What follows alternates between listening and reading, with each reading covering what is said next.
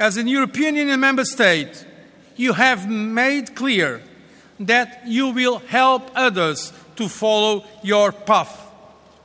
I welcome this commitment as our union is open to those who share our common European values. Dear friends, welcome to the European Union. Dobro došli u Europsku uniju. Thank you.